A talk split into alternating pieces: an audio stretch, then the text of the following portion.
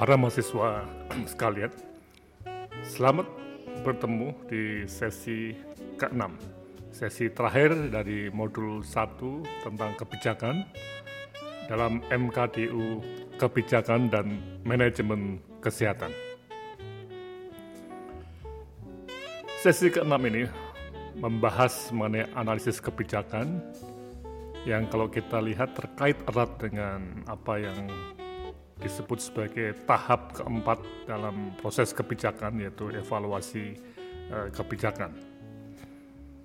Dengan demikian, para mahasiswa diharapkan untuk memahami dua hal yang berbeda tapi sangat eh, berkaitan, yaitu yang pertama mengenai penelitian evaluasi kebijakan, dan ini ada di bukunya Buse di chapter ke-9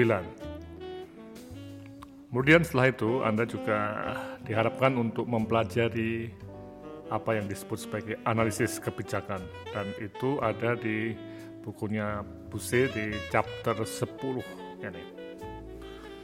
Nah, untuk melihat uh, aplikasi dari kedua hal tadi, para mahasiswa akan saya ajak untuk memahami uh, proses monitoring kebijakan CKN dan penelitian evaluasi kebijakan JKN yang ada di uh, dashboard sistem kesehatan di website www.kebijakankesehatanIndonesia.net.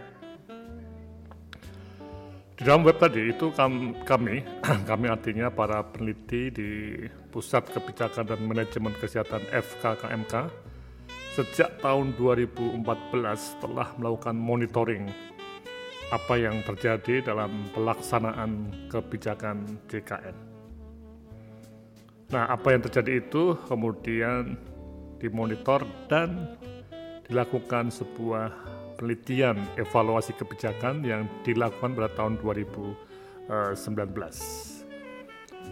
Nah, kemudian di tahun 2020 ini dilakukan sebuah proses analisis kebijakan yang harapannya itu akan diberikan juga hasilnya dalam bentuk rekomendasi kebijakan ke policy makers yaitu DPR karena ini undang-undang, kemudian pemerintah dan juga DPD.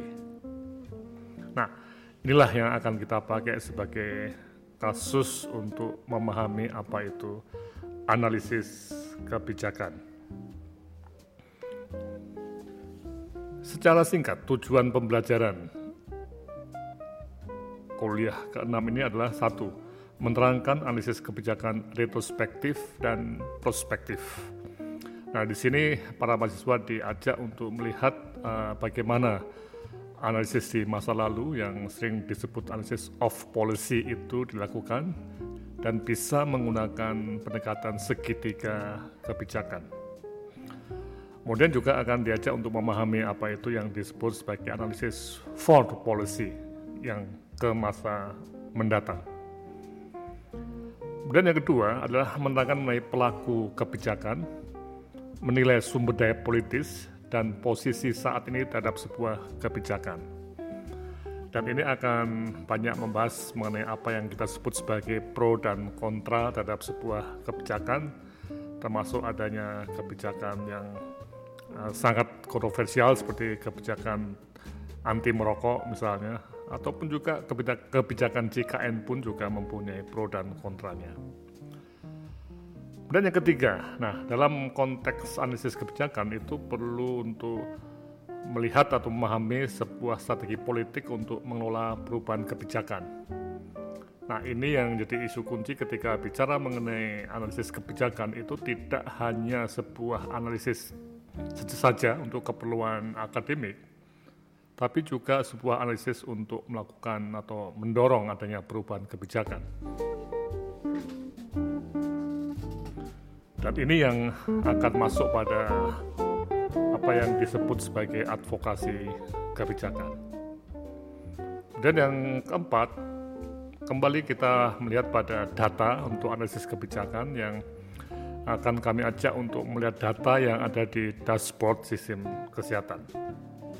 Oke, artinya kuliah ke-6 ini adalah kuliah terakhir dalam sesi atau dalam modul eh, kebijakan ini akan mencoba untuk merangkum semua hal yang ada di sesi 1 sampai 6 dan bermuara pada apa yang kita sebut sebagai suatu proses yang sangat penting untuk mengadvokasi kebijakan.